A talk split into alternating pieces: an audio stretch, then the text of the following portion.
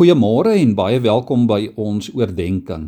Ek lees ver oggend vir ons net een vers, 1 Petrus 3 vers 18.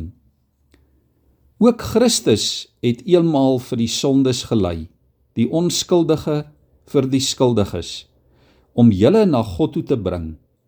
Christus wat as mens doodgemaak is, maar deur die Gees lewend gemaak is. Liewe vriende, hierdie is so 'n positiewe vers. Dis 'n inspirerende vers.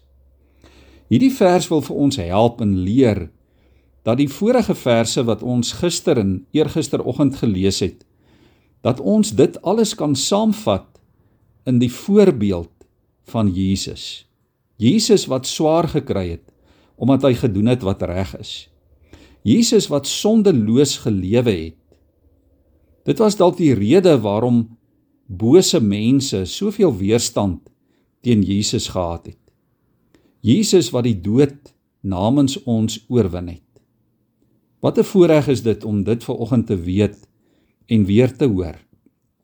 En omdat Jesus die dood oorwin het, word ons geseën ook met ons eie opstanding uit die dood en met die ewige lewe. Hierdie verse seker een van die beste opsommings oor die betekenis van die kruis. As ons wil weet wat die kruis beteken en wat Jesus se lyding beteken in sy verlossing, dan moet ons hierdie vers lees. 1 Petrus 3 vers 18. Jesus se offer aan die kruis leer vir ons dat die Ou Testamentiese gebruik van jaarlikse offers vir altyd wegval Ja Jesus wat die regverdige is, het gekom en vir ons onregverdige mense kom intree om ons verhouding met God te herstel. Petrus kom en hy verwys spesifiek na die opstanding van Jesus. Petrus sê Jesus was dood, hy was liggaamlik dood. Maar hy was ook lewend gemaak deur die Heilige Gees. En die Heilige Gees bring dieselfde krag ook in ons na vore. Ons kan ook daarvan lees in Efesiërs 1.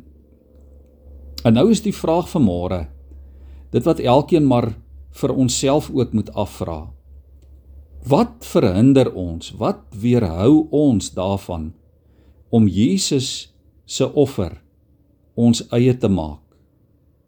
Waar moet ons nog die Heilige Gees toelaat om met krag in ons te werk sodat die opstanding van Jesus ook in ons gestalte kan kry sodat ons ook elke dag in alles in hierdie wêreld as opstandingsmense kan lewe.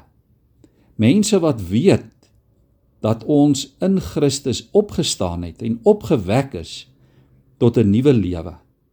Ons word nie vasgehou en vasgegryp deur die swaar kry en die elende en die lyding en die ongelukkighede van hierdie wêreld nie.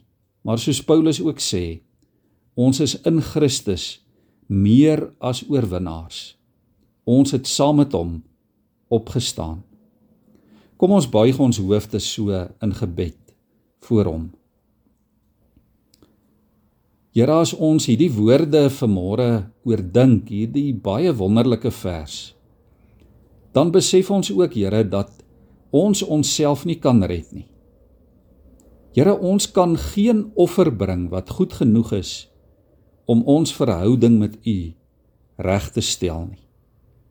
Dankie dat U, Here Jesus, eenmalig namens ons elkeen 'n volkomme offer gebring het. Dat U self daardie offer was en ook is. En daarom Here kom ons vanmôre.